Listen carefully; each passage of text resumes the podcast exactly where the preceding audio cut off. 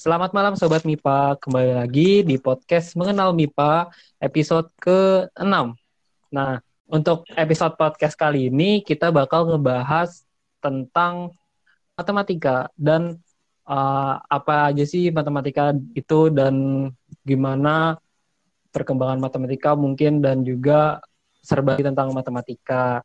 Nah, di sini kedatangan tiga tamu yang uh, cukup istimewa dan tiga tamu ini mewakili masing-masing lembaga dari prodi yang ada di Departemen Matematika. Nah, tamunya siapa aja sih? Ada yang pertama ada Mas Gufron dari Himasta, Himpunan Mahasiswa Statistika. Ada juga Mas Arif dari Himatika, Himpunan Mahasiswa Matematika. Dan juga ada Emil dari uh, Aktuaria. Dan mungkin bakal proses membuat suatu hima yang namanya himaria. Nah, mungkin uh, kita mulai dari perkenalan dulu ya dari masing-masing lembaga. Yang pertama mungkin aku bisa minta tolong buat Mas Gufron dari Himasta untuk memperkenalkan dirinya, terus uh, apa itu Himat Himasta dan juga mungkin bisa dilanjutkan dengan proker unggulan atau arah gerak dari Himasta sendiri. Halo, nama perkenalkan nama saya Muhammad Gufron Arif. Uh, saya biasa dipanggil Gufron dari Himasta keangkatan 2018. Uh, mungkin uh, ada yang belum tahu apa itu Himasta. Himasta sendiri merupakan singkatan dari Himpunan Mahasiswa Statistika. Nah, itu merupakan wadah himpunan yang mewadahi seluruh uh, mahasiswa statistika MIPA UGM. Uh, jadi uh, mungkin IMASTA ini uh, bisa dibilang sebagai uh, fasilitator untuk uh, seluruh mahasiswa statistika MIPA UGM. Dan IMASTA ini nggak cuma di statistika doang, tapi kita juga keluar juga kan di Indonesia ini ada Ikatan Himpunan Mahasiswa Statistika seluruh Indonesia. Nah, IMASTA juga tergabung dalam uh, ikatan himpunan itu dan juga sebisa mungkin juga berguna untuk uh, masyarakat sekitar. Nah, mungkin itu sedikit gambaran di Masta. Oh ya, Masta ini mungkin dari dulu ke kekeluargaannya sangat terkenal ya. Dan di sini emang kita lebih emang kerasa banget sering tolong menolong dan kekeluargaan di sini emang dijaga gitu loh. Jadi emang kuat sih ikatannya. Nah, mungkin kalau dari saya itu aja. Oke. Jadi Himasta sendiri nggak cuman terperangkap, maksudnya uh, lingkungannya nggak cuman di statistika UGM aja ya, mereka juga menjalin hubungan dengan himpunan mahasiswa statistika seluruh Indonesia gitu. Nah, untuk dari Himasta sendiri mungkin ada nggak sih mas proker yang mungkin bisa dibilang wow atau cangkupannya nasional atau emang sebuah proker yang dibanggakan oleh Himasta sendiri?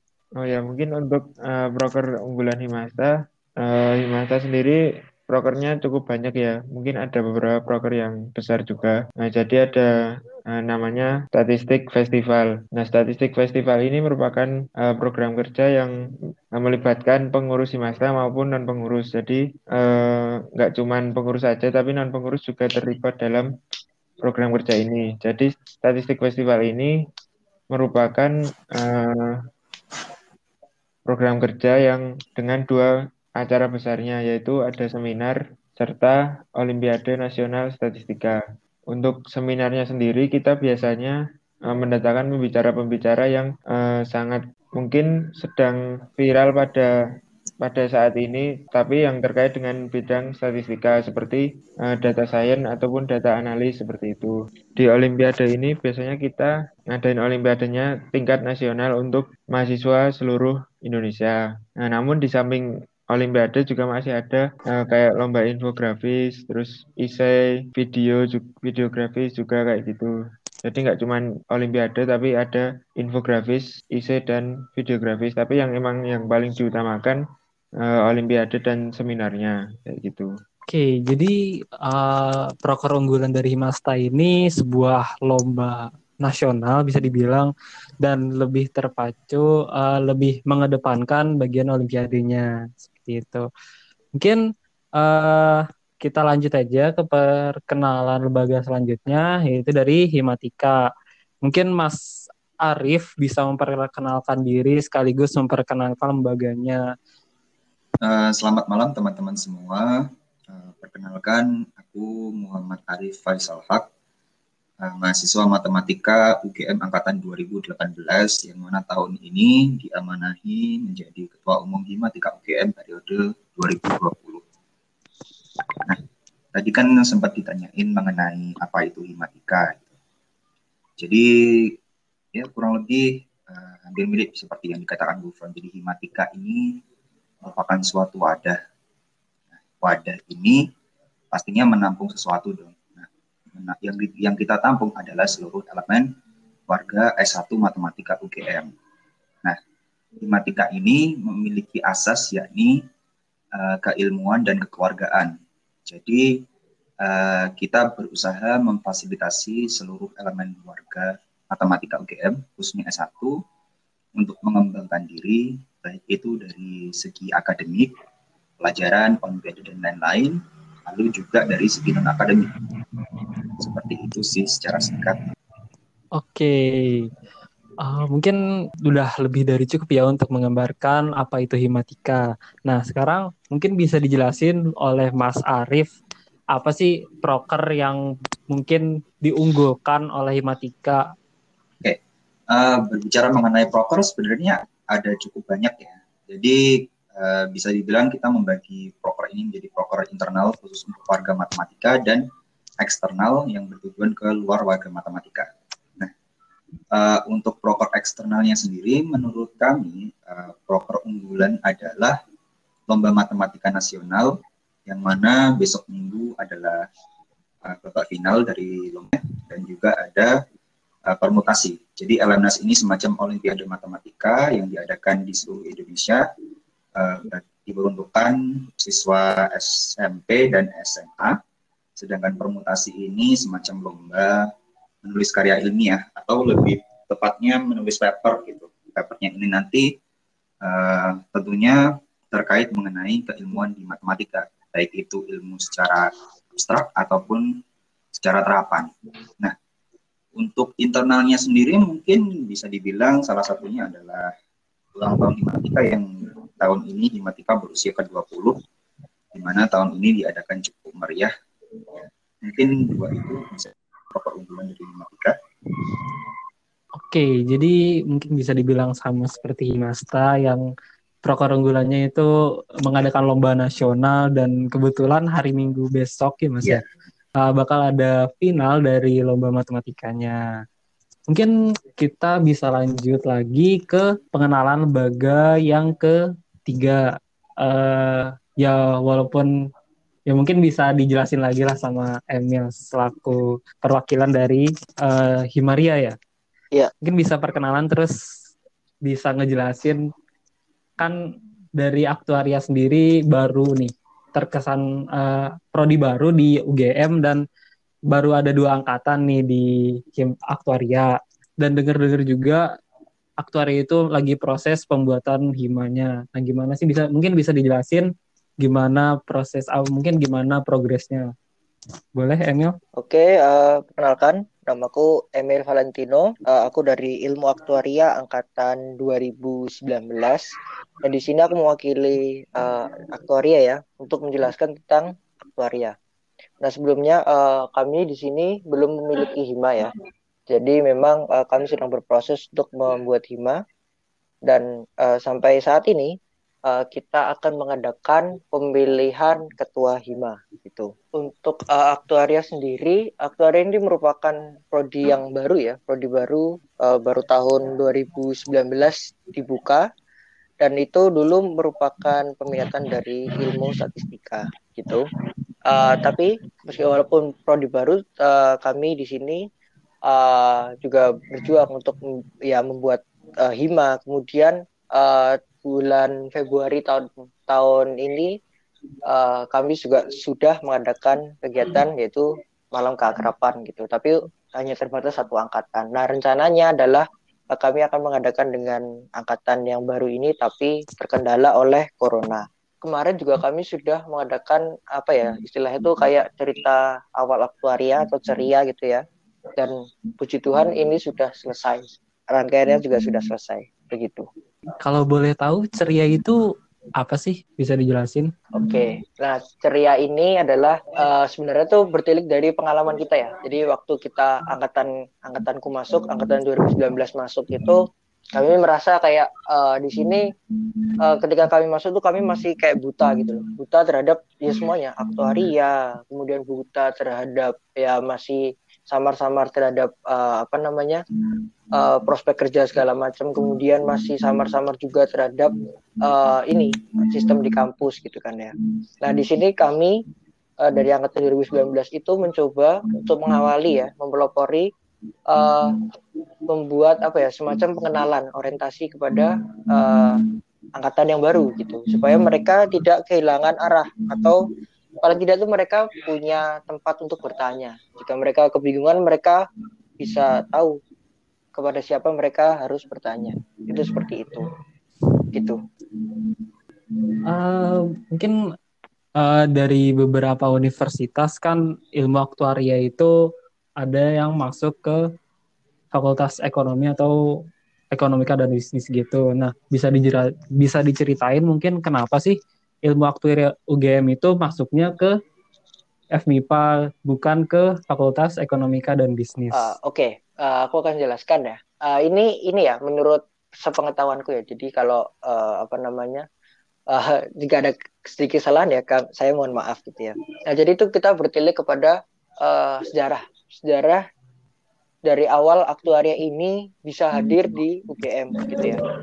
Uh, tahun 2000 sekitar 2008 atau 2000 uh, ya 2000 udah agak lama sih sebenarnya uh, eh, PAI itu mengadakan perjanjian dengan UGM.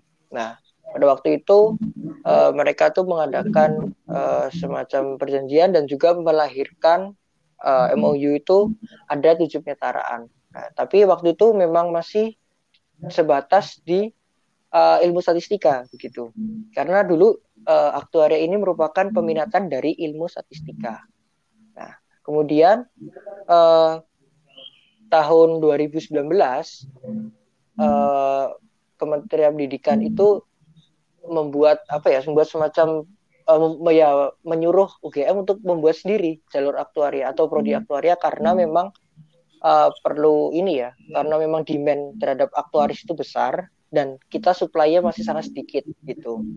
Jadi UGM ditugaskan untuk membuat prodi aktuaria. Nah, inilah kenapa kok aktuaria itu tergabungnya di FMIPA karena dia merupakan bagian dari statistika. Nah, kalau di univ lain itu ada beberapa yang mungkin awalnya itu memang peminatan dari ekonomi gitu. Karena sebenarnya aktuaria ini juga belajar ekonomi, akuntansi, probabilitas sama matematika. Jadi mungkin ada beberapa univ yang memang uh, atau mungkin bahkan beberapa univ yang tidak punya fakultas MIPA. Nah, mereka pasti memasukkan aktuaria itu di FEB seperti itu. Oke, jadi kenapa aktuaria nggak masuk FEB itu emang karena sejarahnya ya, dan juga emang awalnya itu peminatan statistika. dari statistika. Ya, Mungkin dari teman-teman MIPA nih, statistika, matematika dan juga aktuaria itu bisa dibilang uh, jadi satu lingkup di ilmu matematika. Nah, menurut masing eh, masing-masing lembaga nih, sebenarnya matematika itu ilmu yang menyenangkan atau enggak sih? Gimana? Kalau misalnya dari Mas Arief dulu deh. Menurut Mas Arief, matematika itu menyenangkan atau enggak? Uh, cukup sulit ya sebenarnya pertanyaannya ya matematika itu menyenangkan atau tidak gitu. Uh, sebenarnya balik lagi tergantung dari bagaimana kita mendefinisikan kata menyenangkan itu seperti apa gitu ya. Tapi uh, sejauh yang saya alami selama berkuliah di matematika UGM ini, menurut saya matematika ini ilmu yang sangat menyenangkan sih kalau saya bilang malahan. Ya karena apa ya dari matematika ini kita benar-benar bisa belajar banyak hal yang mana hal itu nanti akan sangat tentunya saat kita nanti harus UGM gitu. Apa itu? Ya ini uh, kemampuan bernalar dan berpikir secara logis. Gitu. Jadi mungkin kelihatannya kita uh, matematika itu mungkin belajar pengertian atau mungkin hitung lain-lain. Gitu. Tapi sebenarnya esensi yang kita selama ini adalah uh, bagaimana kita bisa mengembangkan cara berpikir rasional dan logisnya itu, di mana uh, itu nanti akan membantu kita menyelesaikan problem-problem yang ada di kehidupan nyata.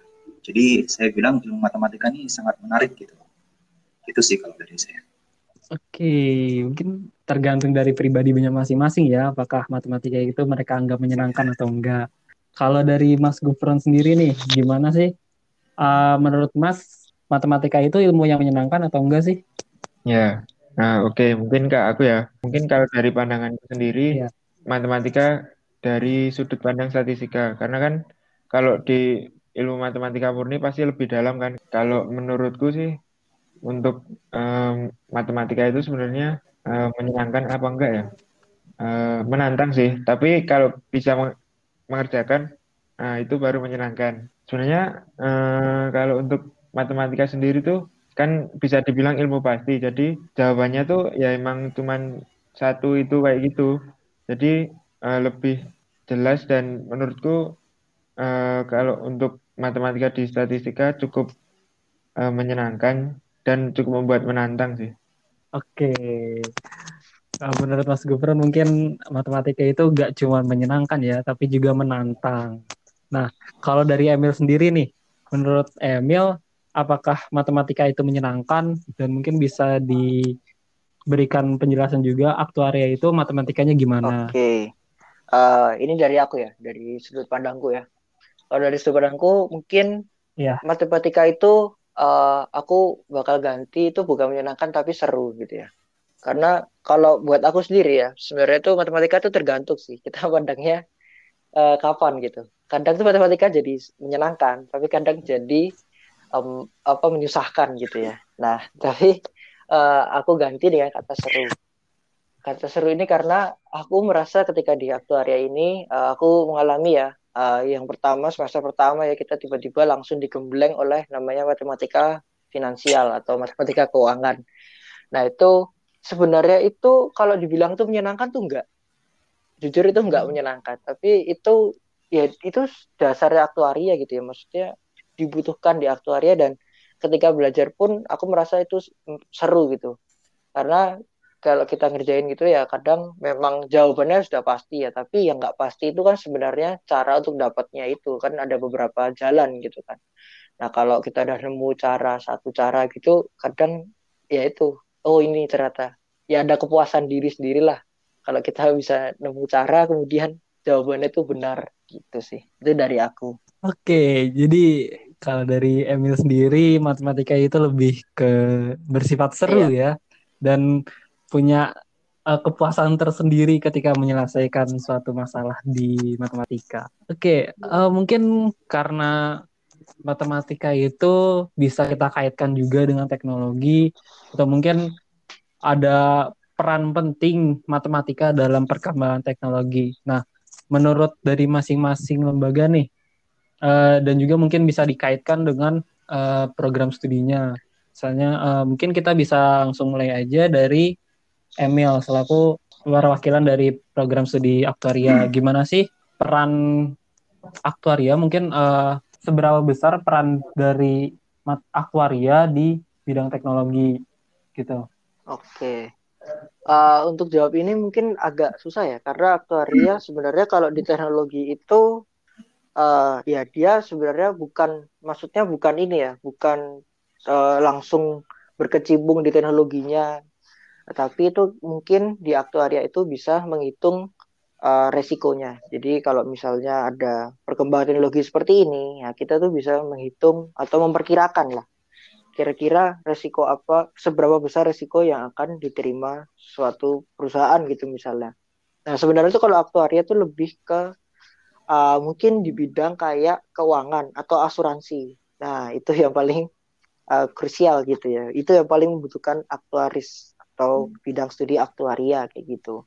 Karena kan memang kalau asuransi ya, karena kita lihat kayak gini asuransi, nah ketika dia mau meluncurkan suatu produk gitu ya, itu kan nggak nggak langsung asal meluncurkan kemudian uh, apa namanya ya melihat reaksi pasar atau gimana, tapi kan juga harus dikalkulasi karena kan itu berkaitan dengan angka yang besar gitu. Oke, mungkin dari aktuarial lebih ke memprediksi uh, keuntungan atau mungkin uh, seberapa besar Iya. kerugian yang mungkin bisa didapatkan dan diperhitungkan Iya, gitu ya.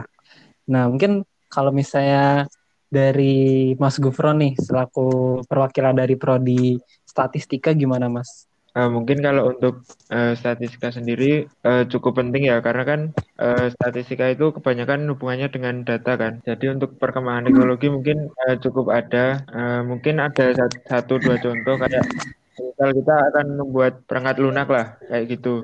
Nah, pasti kan ada ujinya juga kayak uji kelayakannya.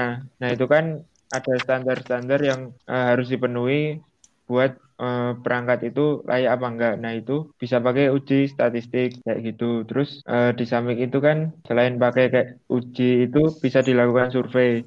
Nah, survei itu emang eh, bisa dibilang sangat dekat sekali dengan eh, statistika. Nah, dengan eh, hasil survei itu kan kita bisa tahu apakah produk yang kita buat itu emang eh, sudah berhasil atau belum. Nah, mungkin itu salah satu contohnya eh, peran statistika di dunia teknologi. Eh, tapi untuk eh, perkembangannya mungkin kalau untuk statistika sendiri lebih ke malah lebih gunain software-software yang lebih ke konsumernya lah. Kan untuk eh, menganalisis data itu kita kan butuh eh, software kayak Python, R dan lain-lain kayak gitu. Jadi kalau untuk perkembangannya mungkin yang eh, ku contohkan tadi, tapi di samping itu kita juga eh, sebagai pengguna atau konsumer kayak gitu. Oke, berarti dari statistika sendiri lebih ke data-data kayak memperoleh eh, memproses data sehingga menghasilkan suatu output yang bisa dipakai untuk eh, mungkin misalnya kayak peluncuran barang atau survei terkait sesuatu. Oke, mungkin kita bisa lanjut ke pendapat dari Mas Arief. Nah, kalau dari Mas Arief sendiri nih, bisa mungkin bisa dipaparkan seberapa besar peran dari ilmu matematika di bidang teknologi. Eh, mungkin mengenai peran matematika di perkembangan teknologi, aku bisa bilang sangat besar sih ya. Dan aku nggak mungkin juga untuk menyebutkan semuanya gitu, karena eh, aku menganggapnya matematika ini sebagai suatu alat gitu. Jadi eh, kita bisa menggambarkan situasi-situasi yang terjadi di dunia nyata dan mengabstraksi itu menjadi suatu persamaan. Dan ketika kita menyelesaikan persamaan itu, maka kita akan bisa menemukan solusi dari permasalahan yang ada di dunia nyata.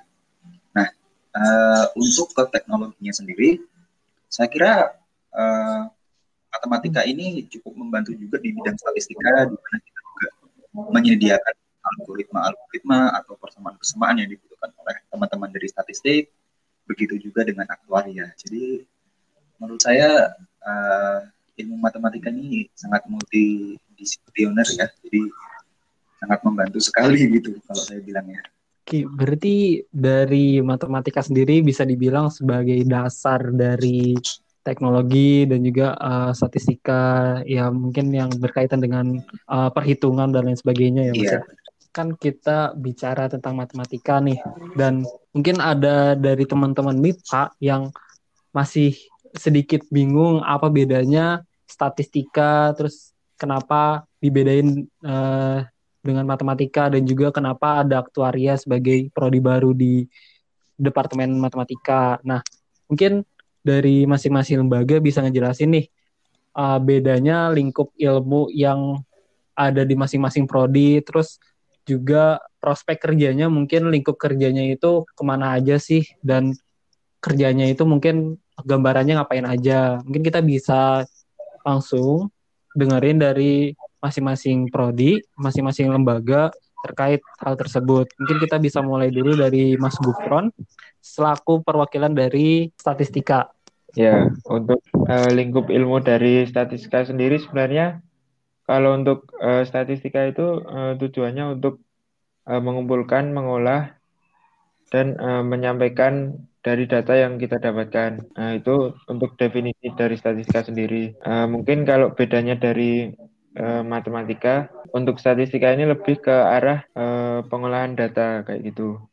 Kalau matematika kan lebih ke mungkin uh, ke ini rumus kayak gini asalnya dari mana terus uh, pembuktian teori-teori kayak gitu. Kalau di statistika lebih ke pengolahan data. Uh, mungkin kalau di di statistika UGM sendiri untuk peminatannya ada empat yaitu ada uh, biostatistika kemudian ada finance terus statistika bisnis industri uh, yang terakhir ada uh, aktuaria Nah, ini walaupun Mas udah ada prodi baru, tapi uh, di statistika masih bisa ambil matkul uh, dari aktuaria. Nah, untuk uh, prospek kerjanya sendiri mungkin uh, cukup banyak, karena kan untuk mengolah data kan nggak uh, mungkin hampir di semua industri gitu membutuhkan uh, data analis. Mungkin kayak industri makanan atau industri medis, terus kependudukan kayak gitu pun butuh uh, seorang untuk mengolah data apalagi di masa sekarang ini banyak udah banyak kayak startup startup kayak gitu. Jadi mungkin banyak yang dari di masa gini. Uh, untuk data scientist sendiri uh, mungkin lebih ke ilmu yang diterapkan itu uh, statistika dan pemrograman juga. Jadi itu merupakan uh, perpaduan antara statistika dan pemrograman kayak gitu. Tapi untuk uh, lingkup kerja statistika emang uh, luas banget bisa ke aja ke pemerintahan juga bisa. Terus uh, jadi data analis data scientist quality control kayak gitu. Uh, luas banget sih. Ah iya. Mungkin dari emang dari statistika juga yang kaitannya sangat erat dengan data-data data. Jadi bisa dibilang prospek kerjanya itu ke berbagai macam cabang bidang. dan ya bidang. Dan ya emang karena kita sudah menuju industri 4.0 dan big data. Jadi ilmu statistika ini punya banyak peluang kerja bisa dibilang dan bisa ke berbagai macam bidang. Nah, untuk dari prodi matematika nih, mungkin dari Mas Arief sendiri bisa dijelasin lingkup ilmu dari matematika itu ke mana aja sih dan mungkin bisa dijelasin juga prospek kerja yang memungkinkan untuk uh, calon sarjana khususnya dari ilmu matematika itu ke mana aja mas? Mengenai uh, lingkup keilmuan matematika ya, ya mungkin kalau dibedakan dari aktuari ilmu aktuaria dan statistika mungkin bisa dibilang uh, matematika ini lebih luas gitu ya. Jadi kalau aktuaria mungkin terkotakkan ke uh, asuransi seperti itu mungkin statistika ke pengolahan data tapi matematika ini memang lingkupnya sangat luas dan bisa dibilang juga uh, apa ya berkaitan juga dengan hal-hal yang bersifat teoris dan pasti juga gitu. Nah uh, di matematika UGM sendiri untuk peminatan kita ada empat. Yang pertama ada uh, peminatan analisis itu lebih ke teori dan aljabar juga lebih ke teori mengenai teori-teori yang ada di aljabar. Lalu ada komputasi. Nah, komputasi ini lebih ke arah uh, melakukan perhitungan-perhitungan menggunakan pendekatan numerik gitu ya bisa dibilang. Dan lalu uh, yang terakhir ada peminatan terapan. Nah, untuk terapan ini lebih ke mungkin membuat suatu model untuk suatu permasalahan nyata seperti itu. Untuk prospeknya sendiri cukup banyak ya bisa dibilang. Karena balik lagi yang seperti saya jelaskan di awal di matematika kita benar-benar diasah uh, logika kita. Jadi bisa dibilang lulusan matematika ini hampir bisa masuk ke semua bidang gitu. Mungkin bisa ke bidang data analis atau mungkin ke aktuaria juga atau ke yang sedang booming machine learning seperti itu. Mungkin bisa ke kesehatan ke finansial ya banyak sih kalau dibilang uh, prospek kerja dari lulusan S1 matematika seperti itu. Oke, uh, dari lingkup ilmunya sendiri emang udah ada banyak peminatannya ya, ada empat peminatan dan juga karena emang matematika sendiri bisa dibilang dasar dari berbagai macam prodi, jadi mungkin bisa ke mana-mana gitu kan prospek kerjanya, gitu ya mas ya? Iya benar. Oke, mungkin kita bisa lanjut lagi ke aktuaria. Nah, kalau misalnya dari aktuaria sendiri nih, uh, lingkup ilmunya itu ke mana aja dan juga prospek kerjanya itu lebih ke arah apa? Mungkin bisa dijelasin oleh Emil?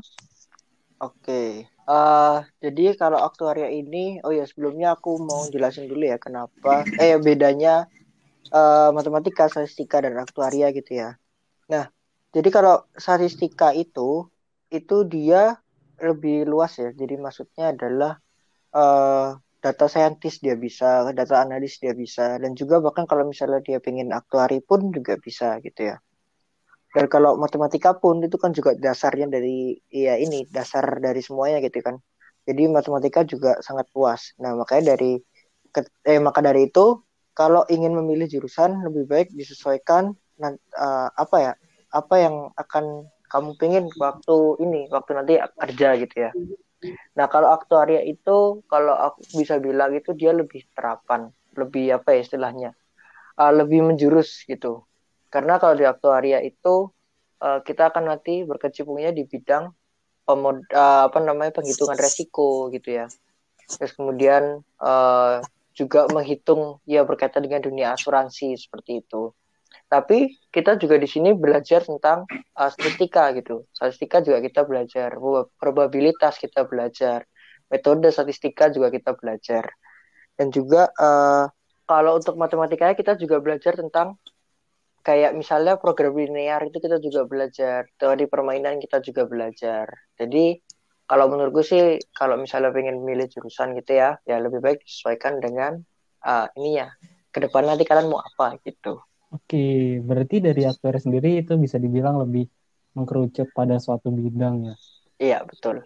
Mungkin karena emang dari ketiga prodi ini punya satu keterkaitan yang emang berkaitan erat dengan matematika dan sama-sama di departemen matematika, mungkin ada nggak sesuatu yang bisa dibilang unik dari masing-masing prodi yang membedakan dengan prodi lain. Misalnya dari matematika ada fakta tentang apa gitu yang membedakan uh, ilmu matematika ini dari statistika dan juga aktuaria dan begitu pula sebaliknya. Mungkin kita bisa mulai dulu dari Mas Arief. Mungkin ada fun fact terkait matematika yang membedakan dengan statistika dan juga aktuaria. Uh, aduh, bingung ya mau nyebut fun fact apa yang bisa membedakan antara matematika, aktuaria, dan statistika gitu. Apa ya? Uh, mungkin aku nggak tahu sih ini masuknya fun fact atau bukan, tapi keluasan dari ilmu matematika itu sendiri yang membuat kita berbeda dari statistika dan aktuaria. Mungkin itu sih agak susah soalnya untuk jawab ini. Oke, okay. berarti emang karena matematika juga dasar dari berbagai macam uh, prodi terkhususnya kayak statistika dan juga karya. Jadi matematika itu emang benar-benar luas dan itu menjadi keunikan tersendiri dari matematika ya Mas ya? Iya benar, iya. Nah untuk dari statistika nih, kalau dari statistika sendiri, apakah ada sebuah fakta menarik yang membedakan statistika dengan matematika dan juga aktuaria. Gimana Mas Gufron? Hmm. Kalau untuk uh, statistika sendiri sebenarnya ya kalau dari ketiga prodi ini emang berhubungan erat ya, jadi emang uh, agak susah juga nyari perbedaannya. Mungkin kalau uh, statistika sendiri lebih bisa dibilang lebih sempit dari matematika. Karena kan emang fokusnya di pengolahan data itu tadi. Jadi emang kalau nggak harus uh, gimana ya? Kalau matematika kan uh, lebih ngulik-ngulik rumusnya lebih dalam kayak gitu. Nah kalau statistika nggak sedalam matematika tapi lebih fokus ke uh, dari statistika sendiri ke data-data kayak gitu. Terus mungkin ada yang uh, cukup uh, mengagetkan juga mungkin kalau dari statistika. Uh, kebetulan kalau uh, dua tahun yang lalu uh, nilai UTBK Statistika uh, peringkat dua di UGM. Nah itu mungkin uh, cukup mengkagetkan sekaligus membanggakan juga. Terus di setahun yang lalu uh, peringkat tiga di UGM. Nah mungkin itu sih. Oke, berarti kalau dari statistika sendiri, mereka uh, prodi ini lebih berbicara tentang data-data data dan ya mungkin salah satu yang mengagetkan juga statistika dengan passing grade bisa dibilang passing grade kedua untuk dua tahun lalu ya mas ya nah iya kalau dua tahun lalu oke oke terakhir nih dari aktuaria nah mungkin dari aktuaria bisa dijelasin apa sih yang membedakan aktuaria dengan matematika dan juga statistika? Oke, ini susah juga ya jawabnya karena uh, aktuaria itu sebenarnya anaknya dari statistika sama matematika. Tapi fun fact-nya itu adalah aktuaria itu adalah prodi terbanyak yang disangka eh yang yang salah ditangkap oleh orang. Maksudnya gini, kalau aku nyebut aktuaria gitu ya, itu orang pasti berpikiran tentang perikanan. Nah itu itu sering banget itu. Uh, kuliah apa mas? Aktuaria. Oh ngurusin ikan ya, itu sering banget gitu. Nah kemudian fun fact berikutnya adalah aktuaria UGM itu adalah salah sat, uh, satu-satunya uh, prodi aktuaria yang punya tujuh penyetaraan PAI. Ini berdasarkan data PAI ya. Jadi uh, kalau di tempat lain tuh ada yang lima, ada yang tuj ada yang empat, ada yang tiga, bahkan ada yang dua gitu. Nah di UGM ini kebetulan uh, aktuaria, statistika, matematika itu punya uh, tujuh penyetaraan PAI. Terus kalau untuk masalah lingkup kerja ya, fun adalah di US itu aktuaria itu menduduki uh, peringkat dua, eh nomor dua ya, pekerjaan dengan gaji tertinggi rata-rata di US dan juga peringkat satu uh, kenaikan apa sih kenaikan uh, prospek kerja gitu di Amerika gitu sih kalau dari aktuaria. Waduh, kalau dari aktuaria sendiri sering disalah kaprahkan ya sebenarnya sering banget iya. masyarakat. Iya. iya sering banget, beneran sering banget gitu. Aduh, padahal uh, bisa dibilang jauh sekali ya dari perikanan iya. ya. Mungkin mereka dengarnya kayak akuaria, oh aqua gitu kan air gitu kali ya. iya bisa bisa bisa. Dan juga yang menarik nih dari aktuaria, kayak bisa dibilang aktuaria itu punya prospek kerja yang tinggi dan juga gaji yang sangat besar karena berkaitan dengan uh, ilmu yang memprediksi tentang iya. apa namanya kerugian gitu iya, kan. Iya, resiko. Kalau salah itu resiko. perusahaan bisa bangkrut gitulah istilahnya kayak gitu. Iya. ya dan sebenarnya bisa dibilang cukup krusial juga ya di dunia pekerjaan. Iya, betul. Wah, udah nggak kerasa ya. Kita udah ngobrol banyak nih dengan uh, perwakilan dari masing-masing prodi di Departemen Matematika yang mewakili lembaga-lembaga dari masing-masing prodi. Dan kita juga sudah membicarakan tentang berbagai macam hal terkait matematika dan juga serba-serbi dari ilmu matematika dan juga turunannya. Dan kita udah berada di penghujung podcast nih. Dan mungkin aku bisa tutup podcast ini dengan sebuah jargon yang mewakili podcast mengenal MIPA di uh, kesempatan pada hari ini. Uh, mungkin kita bisa boleh jargon dulu ya buat podcast uh, kali ini. Nah, ketika aku bilang podcast mengenal MIPA, mungkin teman-teman bisa ngejawab dengan menjalin silaturahmi makin dekat di hati. Nah, aku mulai ya. Podcast mengenal MIPA menjalin silaturahmi makin dekat makin dekat di hati. Nah, itu tadi jargon dari podcast mengenal MIPA. Nah, mungkin dari teman-teman uh, MIPA yang tertarik dengan episode-episode lainnya terkait podcast ini bisa langsung cek podcast yang lainnya di Spotify ataupun IGTV dari BMKM FIPA UGM. Nah, mungkin cukup sekian dari aku selaku moderator pada podcast kali ini. Aku undur diri dan terima kasih buat teman-teman yang sudah dengerin podcast ini dari awal hingga akhir. Nah, terima kasih sudah mendengarkan. Sampai jumpa di podcast selanjutnya. Dadah. Dah. Dah.